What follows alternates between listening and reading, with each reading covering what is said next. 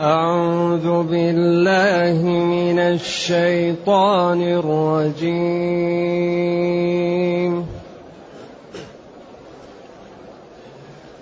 بسم الله الرحمن الرحيم.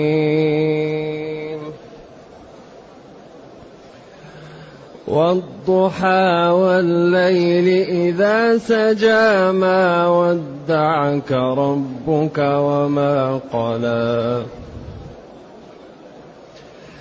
ما ودعك ربك وما قلى وللآخرة خير لك من الأولى. وللآخرة خير لك من الأولى ولسوف يعطيك ربك فترضى. ألم يجدك يتيما؟ ولسوف يعطيك ربك فترضى. ألم يجدك يتيما فآوى. ووجدك ضالا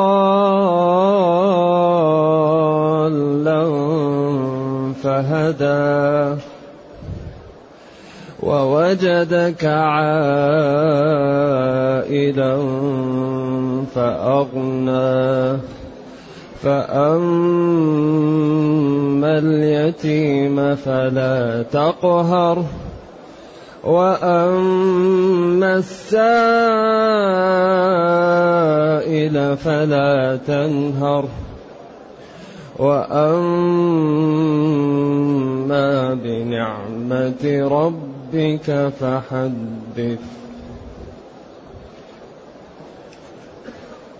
الحمد لله الذي أنزل إلينا أشمل كتاب وأرسل إلينا أفضل الرسل وجعلنا خير أمة أخرجت للناس فله الحمد وله الشكر على هذه النعم العظيمة والآلاء الجسيمة والصلاة والسلام على خير خلق الله وعلى آله وأصحابه ومن اهتدى بهداه. أما بعد فإن الله تعالى يقسم بالضحى. سورة الضحى من السور المكية. والضحى. والضحى هنا كأن المقصود به النهار الضوء. بدليل والليل إذا سجى.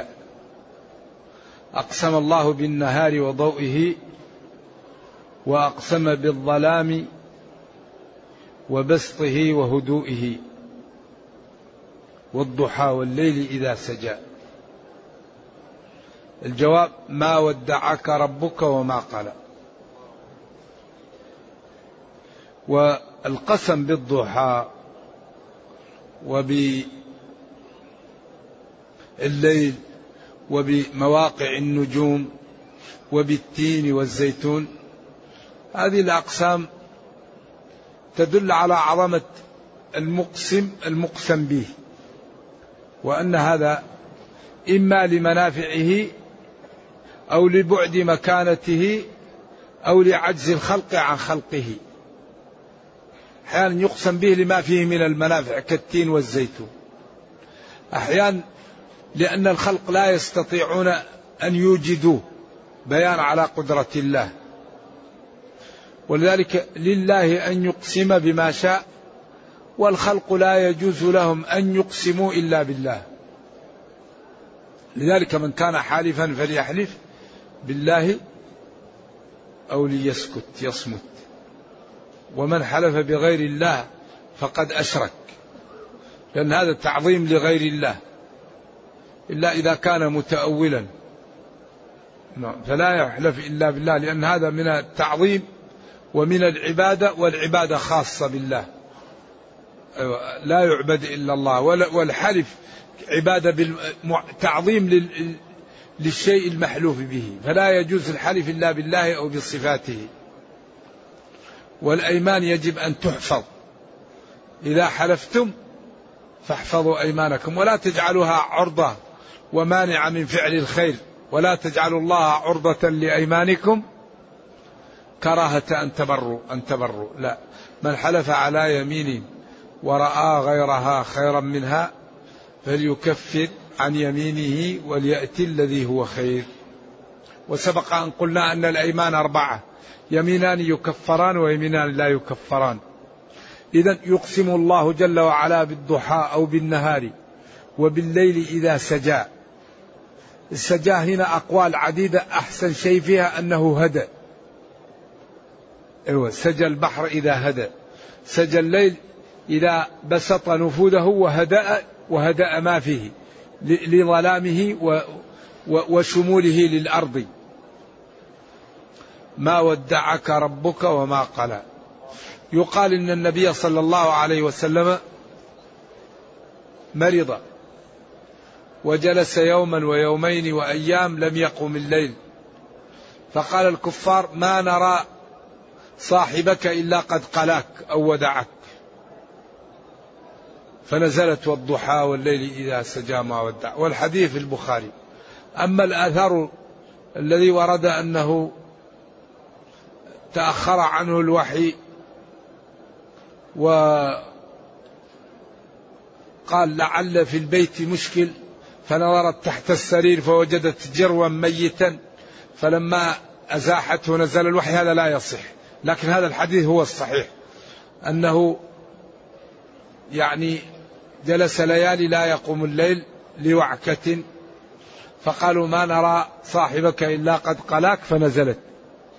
والضحى والليل إذا سجى ما ودعك ربك وما قلى ما ودعك ما تركك وما قلاك ما كرهك.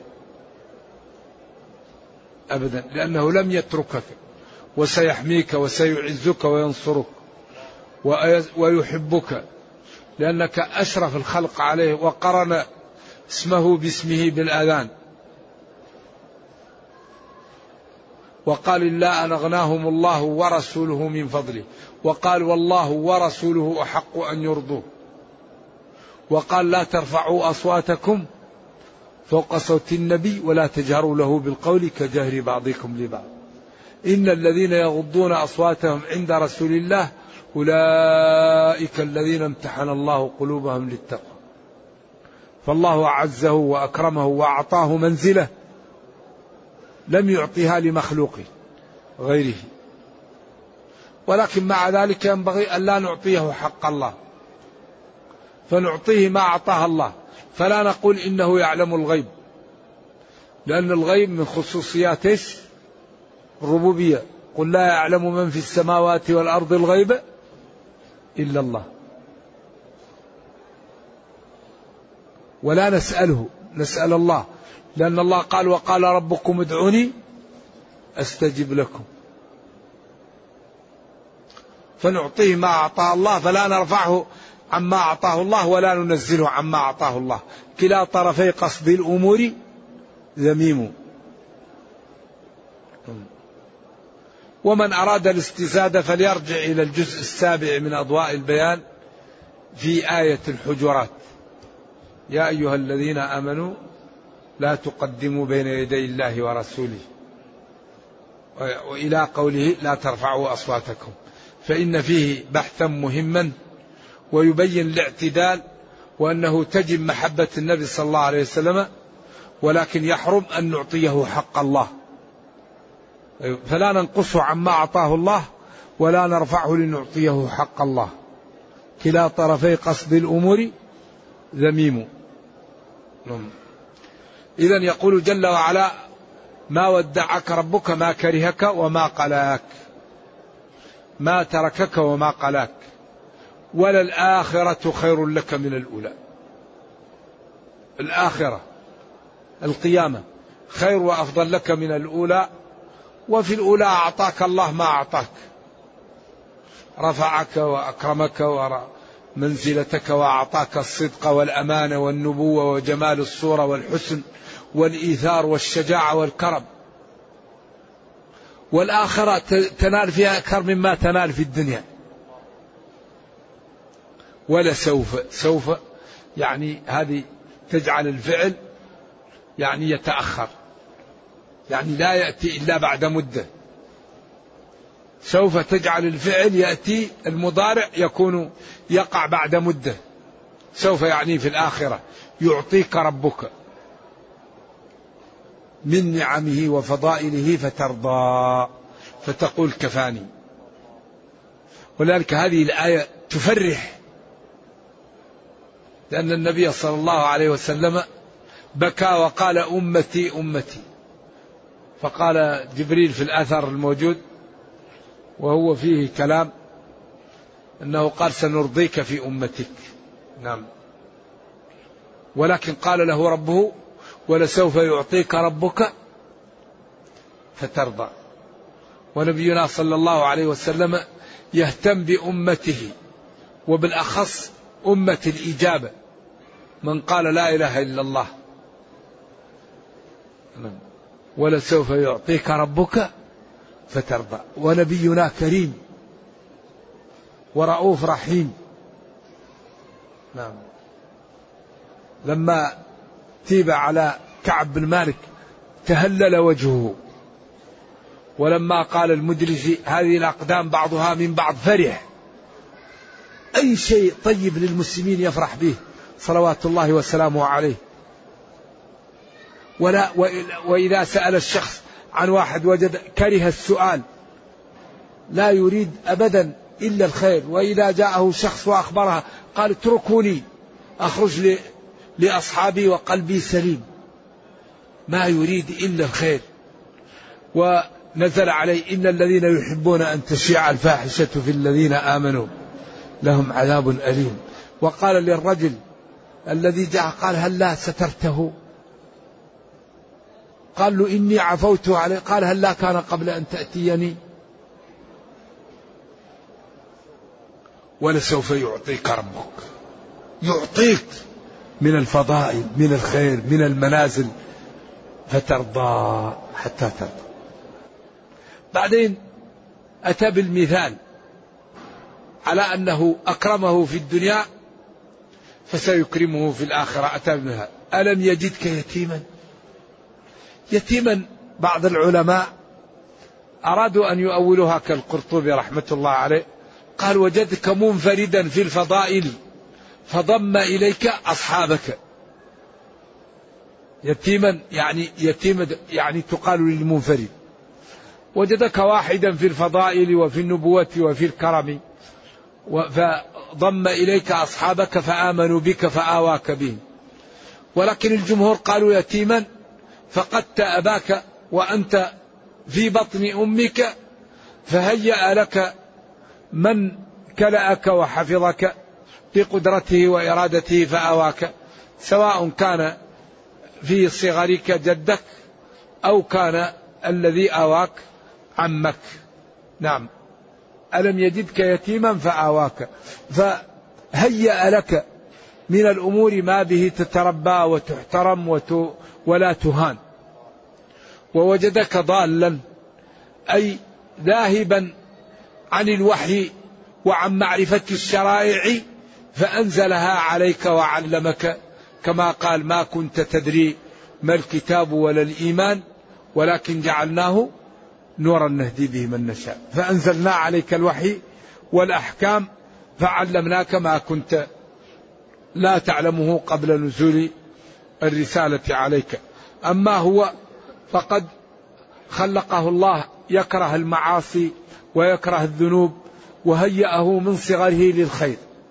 ولذلك لما كشف ليحمل الحجارة معهم وهو صغير جاءه شيء وضربه وقال له أستر عورتك. قبل أن ينزل عليه الوحي. وكانوا إذا أرادوا أن يذهبوا به إلى مكان لا ينبغي الله يأتيه بالنوم. وكره إليه الأصنام وكره إليه الفسوق وحبب إليه الإيمان والصدق. فالله تعالى هيأه من صغره إلى النبوة. ما كان يريد المعاصي ولا يريد الفجور ولا شيء. وكان الله حامي حمية فطرية. حتى نزل عليه الوحي. ووجدك ذاهبا عن الحق لا تعلمه. فهداك بأن أوحى إليك وعرفك الشرائع والقرآن والأحكام. فهداك إلى ذلك ووجدك فقيرا لا تملك شيء. فأغناك بالمال وأغناك بأن جعل قلبك مليئا بالغناء. لا تخشى الفقر بما هي الله في قلبك من الفضائل ومن المعاني. نبينا صلى الله عليه وسلم قلبه كله غنى كل ما جاءه شخص يريد شيئا يعطيه إياه. ما يمنع شيء ابدا. ولذلك قال لهم إنكم تسألونني فالذي يأخذ شيء لا يحق له هذا يكون له عليه تبعه أنا أي واحد يسألني نعطيه. لا يمنع إلا إذا لم يكن عنده. ولذلك ربه بين له. قال له وإما تعرضن عنهم ابتغاء رحمة من ربك ترجوها فقل لهم قولا ميسورا. إن جاءك المسلمون والفقراء يريدون أن تعطيهم ولم يكن عندك قل لهم أبشروا إن جاءت الغنائم إن جاء الفتح. فقل لهم قولا ميسورا. ولذلك المسلم إذا جاءه إخوته يريدون منه حاجة فإن لم تكن عنده الحاجة يردهم إيش؟ ردا جميلا. قل لهم أشكر لكم ثقتكم بي وأول فرصة تسمح لي لن نضيعكم من قضاء حاجتكم إذا قدرت. لكن الآن أنا عاجز ولكني أشكر لكم. أما إن كنت تستطيع فهذه فرصة المسلم إذا جاءه أخوه يريد حاجة وهو يستطيع فهذه فرصة العمر. لأنك إن لم تقضيها سيقضيها الله له وتبقى فرصة ضاعت عليك. ولذلك يقول إلا تكون ورق يوما أجود بها للسائلين فإني لين العود. إلا تكون ورق ذهب وفضة أجود بها للسائلين فإني لين العود. إن لم يكن عندي مالا أعطيه للسائلين فإني أرفق بهم وأتواضع معهم. لا يعدم السائلون الخير من خلقي إما نوالي وإما حسن مردودي. إذا جاءني السائل إما أن نعطيه ما يريد أو أرده ردا جميلا. ولذلك الرد الجميل أحسن من العطاء الذي يتبعه الأذى. قول معروف ومغفرة خير من صدقة يتبعها أذى. لا تبطلوا صدقاتكم بالمن والأذى. يا سلام. ما أجمل هذا الدين. دين الحقيقة غاية في الجمال. ألم يجدك يتيما فآواك إلى عمك ووجدك لا تعرف الأحكام ولا الحلال من الحرام ولا الشرائع فعلمك وبين لك الحق.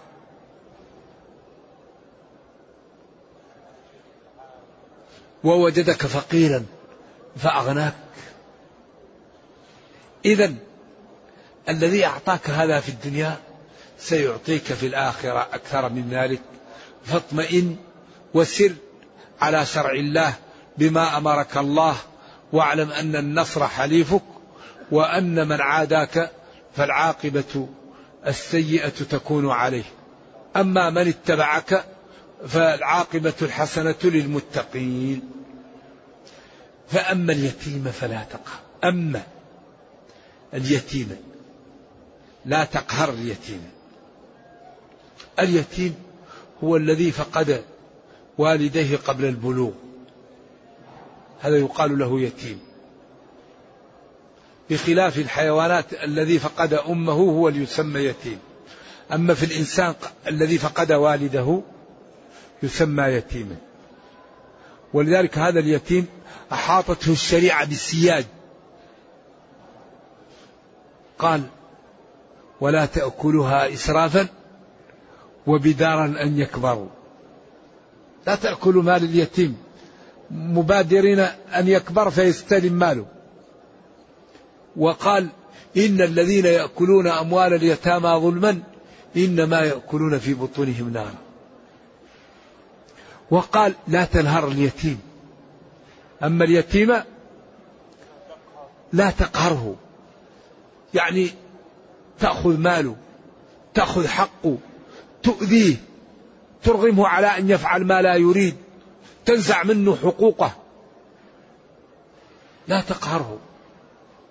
لأن الله تعالى حماه والذي يفعل ذلك يعرض نفسه للعقوبة.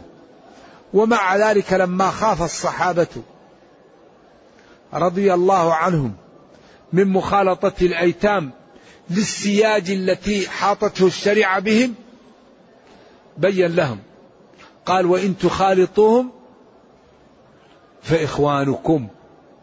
والله يعلم المفسد من المصلح. ولو شاء الله لأعنتكم إن الله عزيز حكيم. ما أجمل هذا. يعني إن تخالطوا الأيتام فهم إخوانكم ومنكم ولكن الله يعلم المفسد من المصلح. لا تخالطه لتقي مالك بماله. لا. تأخذ المال الجيد وتعزله لك. والرديء تجعله له. لا. الأرض الثمينة توريها لك. والأرض التي ثمنها قليل تجعلها لليتيم. لا. تعامل معه كما تعامل نفسك. عامله كما تعامل نفسك. لا تولله لا تحاول أن تولي له الرديء. ولذلك ديننا دين محلول فيه كل قضية. وأما السائلة وأما السائل فلا تنهر بعض الناس إذا قام سائل يسأل يقول له أسكت وينهره يا أخي أما تحمد نعمة الله أن الله عافاك من السؤال؟ أما تخاف أن الله يبتليك بأن تكون في منزلته غدا؟ السؤال آخر المكاسب. وصاحبه يأتي ووجهه لا لحم عليه. والمسلم يجب أن يصون عرضه كما يجب أن يصون جسمه. كما أنه يحرم أن يشرب السم يحرم أن أن يكلم عرضه. ولكن إذا احتاج المسلم يجوز له أن يسأل. إذا كان لا يملك شيئا ولم يرى من يعطيه شيئا يجوز له أن يسأل. ولذلك الله قال وفي أموالهم حق معلوم للسائل هذا إقرار هذا إقرار للسؤال شرعا. هذه الشريعة أقرت السؤال. وقال أطعموا القانع والمعتر. أطعموا القانع. القانع على أصح التفاسير السائل والقانع المتعفف والمعتر الواسطة بينهما. إذا أطعموا كل البشر. الذي يتعفف من المحتاجين والذي يسأل من المحتاجين والذي يتعرض من المحتاجين من الفقراء. أطعموا كل أنواع الفقراء. السائل المتعفف الواسطة بينهما. المعتر هو الذي لا يسأل ولا يتعف يريك وجهه يمر من أمامك. ما سألك وما جلس في بيته. لذلك الحر عبد إن قنع والحر عبد إن قنع فاقنع ولا تقنع فما شيء يسين سوى الطمع ولذلك هذا من إعجاز القرآن. القانع اسم فاعل من قنع إذا تعفف أو قنع إذا سأل على التداخل اللغات في ذلك. إذا وأما السائل فلا تنهر. لا تنهر السائل. أعطيه أو رده رد جميل. أما تنهره وترفع صوتك عليه هذا لا يجوز. ولذلك ما أحوجنا إلى التعاون على البر. الله يقول وتعاونوا على البر لماذا؟ لا يكون بيننا تعاون على أن نترك لا نترك بيننا عاطلا. المسلم ليش يكون عاطل؟ ما نترك بيننا عاطل. لأن أضر ما يضر المسلمين المسلم يكون عاطل. يزرع يشتغل يبيع يشتري. حتى لو يحمل ما يبقى المسلم عاطل. قالوا لأن تحتطب. خير لك من أن تسأل الناس أعطوك ولم يعطوك. لا ينقص الكامل من كماله ما جر من نفع على عياله. إنسان إذا اشتغل ليعف نفسه هذا لا عيب فيه. لكن العيب أن المسلم العاقل السوي يكون عالة هذا لا ينبغي. المؤمن القوي خير وأحب إلى الله من المؤمن الضعيف وفي كل خير. لذلك لا بد أن يكون فيه تعاون بين المسلمين على أن تكون فيه أي واحد عاطل يوجد له عمل. ولا يترك عاطل. يكون فيه تعاون بين المسلمين. لذلك الآن تجد سبحان الله بلاد الأوروبية نادر تجد شخص عاطل عندهم. ولذلك هم يعني عندهم إنتاج قوي لأن الجميع يشتغل. المسلمون كثير منهم إذا وجد من يقوم عليه ينام. ما يريد الشغل. كثير منهم إذا قلت له طيب تفضل اشتغل يقول لك لا نريد ما نريد شغل. لذلك لابد أن يكون المسلم يعني قوي قوي الإرادة قوي الفكر قوي العلم قوي يعني بدل بدل من أن يكون هو يعني ضعيف ليش ليش ما يكون هو قوي؟ بدل مما أن يكون هو عالة ليش ما يكون هو يعيل الناس هو ينفق على الناس؟ والله كريم وما وما أردت يعطيك. لأنه يقول وقال ربكم ادعوني أستجب لكم. أي إنسان وضع نفسه في شيء الله يعطيه إياه.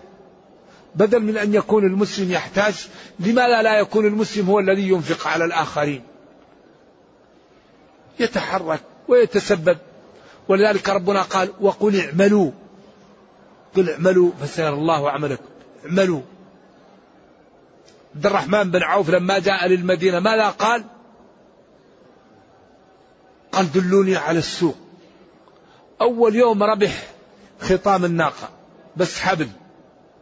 وبعدين أصبح من أغنى أهل المدينة. عثمان جهز جيش العسرة. ما ضر عثمان ما فعل بعد اليوم. لا حسد إلا في اثنتين. ذلك المسلم ينبغي أن يكون عنده همة. ولا يرضى أن يكون عالة أبدا. يسأل الله ويحاول أن يقوم بالأسباب. والله كريم ولا يضيع أجر من أحسن عملا. ومن ابتلاه الله بأن جعله محروم يصبر ولكن يتعفف قدر المستطاع وأجره كبير لأن الغني الشاكر والفقير الصابر كفر سيرها. الغني الشاكر والفقير الصابر لأن بعض الناس يكون الله ما رزق له المال فكل ما باع يخسر وكل ما تحرك لا يربح كما قال الشافعي وإذا سمعت بأن محروما أتى ماء ليشربه فغاض فصدقي وإذا سمعت بأن مجدودا أتى عودا فأثمر في يديه فحققي ومن الدليل على القضاء وكونه بؤس اللبيب وطيب عيش الأحمق. كم, كم عالم يسكن بيتا بالكراء وجاهل له قصور وقرى. لما قرأت قوله سبحانه نحن قسمنا بينهم زال المرى كم عالم أعيت مذاهبه وجاهل جاهل تراه مرزوقا. هذا الذي صير الأوهام حائرة وجعل العالم النحرير زنديقا. فبعض الناس الله يرزقه وبعض الناس الله ولكن الإنسان يقوم بالأسباب ويرضى بما إيش؟ بما قدر له يرضى. والله كريم ولكن في الغالب من يقوم بالأسباب الله يعطيه. إذا قال تعالى فأما اليتيم فلا تقهر. وأما السائل فلا تنهر. وأما بنعمة ربك فحدث. تحدث بنعمة الله عليك. أن كنت فقيرا فأغناك. وكنت لا تعلم فعلمك. وكنت مفرد فأعزك بالصحابة. وكنت خائفا فأمنك. وكذلك المسلم يتحدث بنعمة الله عليه. لأن التحدث بالنعمة شكر لها. ومن شكر النعم أن أن ترى نعم الله عليه إنسان أغدق عليه ربه ينبغي أن يلبس. ويكون مركبه طيب وملبسه طيب ومسكنه طيب. إن الله يحب أن يرى أثار نعمه على عبده. ولكن من غير إسراف ولا مخيلة. إذا أعطى الرب للعبد نعم فليلبس وليأكل وليشرب وليتصدق وليركب وليحمد الله وينعم ويساعد إخوانه. أما يكون الله يغدق عليه وهو إذا رآه الشخص يرى أنه فقير هذا لا ينبغي. هذا عدم شكر النعم هذا هذا كتم للنعم لا ينبغي. إلا بعض الناس يكون عنده تزهد. ليس حرصا على الدنيا ولكن في التزهد. هذا أمر أخف لكن لا ينبغي. ينبغي للمسلم إن الله جميل يحب إيش؟ الجمال. فمن عنده مال يلبس ويركب ويسكن ويعطي لإخوانه ويساعد المسلمين لأن مساعدة المسلمين ومشاركة الناس هذا شكر للنعم ومظنة لتثبيت النعم. هذا الدين آية في الجمال والحسن. ديننا كل قضية محلولة فيه. ولكن نحن المسلمين نائمون. نمثل دور المحامي الغير فاهم. نحن بالنسبة للدين نمثل دور المحامي الغير فاهم.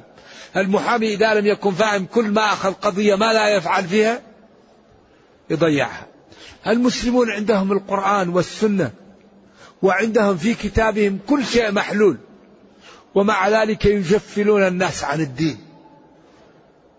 الإسلام يقول لا تظلم لا تكذب لا تسرق لا تزني لا ترابي تصدق انفق اصلح ذات البين افعلوا الخير لعلكم تفلحون. فإذا قرأ القارئ عن هذا الدين قال ما أجمله وما أحسنه وما أنجعه لحل مشاكل أهل الأرض.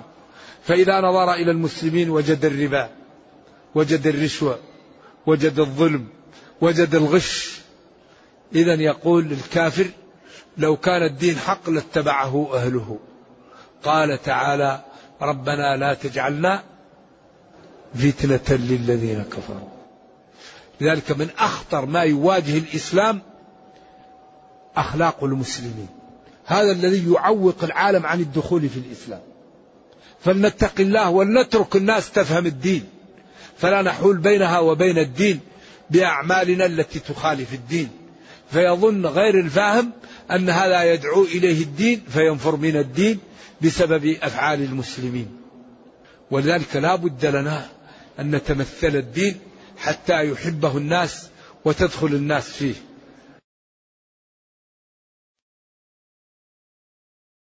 بسم الله الرحمن الرحيم.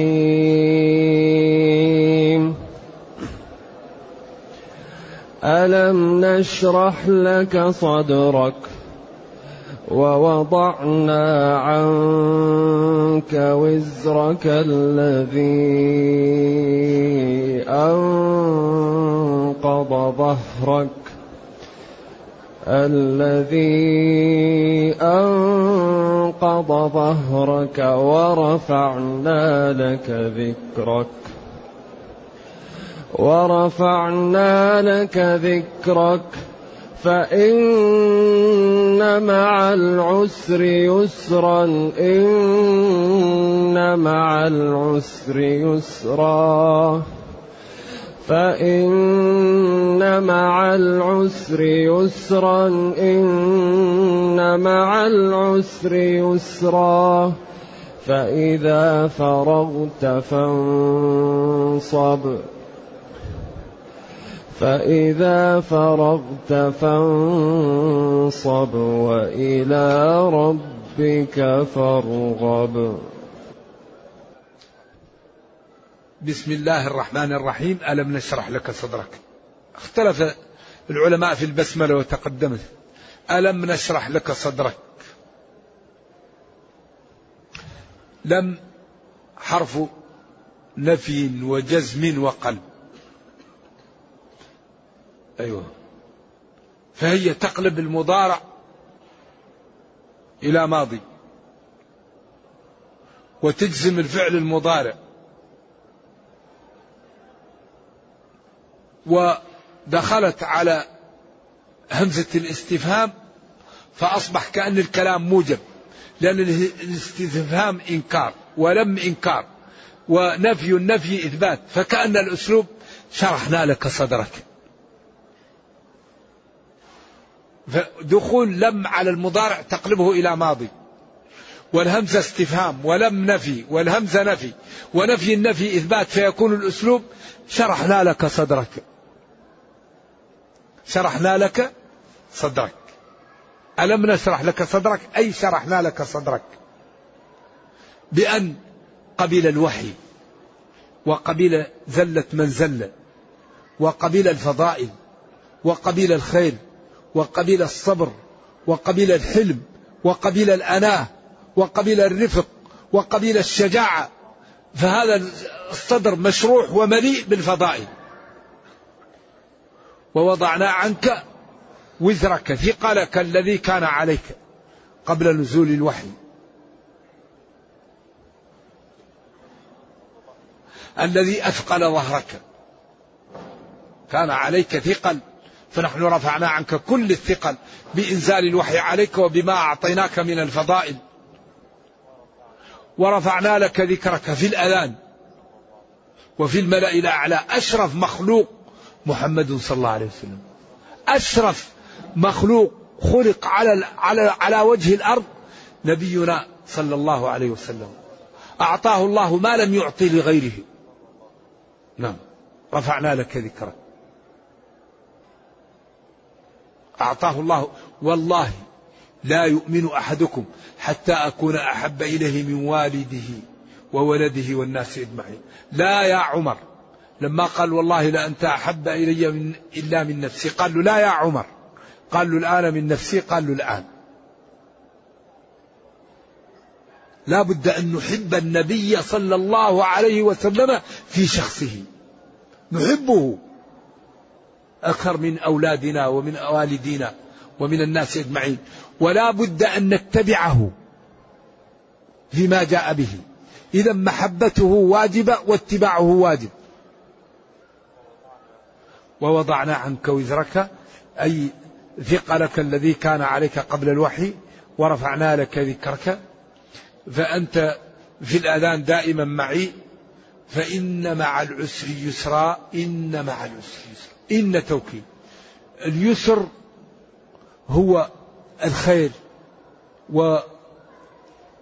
ووجود الخصب ووجود كل ما تحتاجه الناس من النعم والعسر ضدها.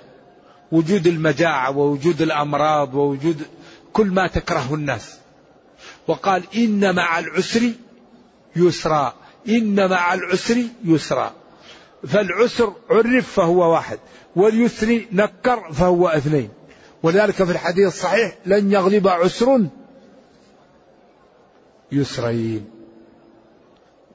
فدائما العسر كل عسر معه يسرين. لأنه قال العسر العسر عرفه فهو واحد. واليسر نكره فهو اثنين. هذا في اللغة العربية. ولذلك القرآن بلسان عربي مبين.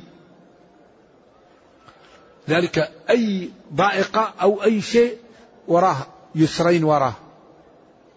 ذلك ينبغي أن نتفاءل وأن نساعد وأن نكرم وأن نقول الكلام الطيب وأن نكرم خلق الله. فالله تعالى يكرمنا والإنسان يرى ما يفعل. صنائع المعروف تقي مصارع السوء. لا يوجد شيء أنفع للمسلم من أعمال الخير. أعمال الخير ذكر للإنسان في الدنيا. صيانة له رفع درجة فرح وسرور وطمأنينة. ومتعة. الإنسان إذا كان يعمل الخير هو نفسه يتمتع بفعل الخير. ولا يوجد شيء أضر من عمل السوء. صاحبه مكروه ومحتقر. ودائما تجده في مصائب. لأن الناس تدعو إليه وتذكره بغير خير. نرجو الله السلام والعافية. ولذلك من أفضل ما يعطى المسلم الكرم. ومن أسوأ ما يتصف به المسلم البخل. وأي داء أدوأ من البخل. فذلك المسلم لا يكون بخيلا ولا يكون لئيما ولا يكون جبانا ولا يكون كذوبا. إن مع العسر يسرا إن مع العسر يسرا. نعم. بعدين قال فإذا فرغت فانصب إذا فرغت يا نبي من أشغال الدنيا ومن الأعمال ومن الوفود ومن كل أمور الدنيا فاجتهد في طاعة ربك. أتعب في عبادة الله وفي مرضاته. وقيل إذا انتهيت من الصلاة فاسأل ربك ما تريد. أنصب. يعني قف واسأل الله. لأن الله إذا سأله العبد أعطاه. لذلك ينبغي للمسلم إذا انتهى من أعماله أن يكون له خلوة مع ربه.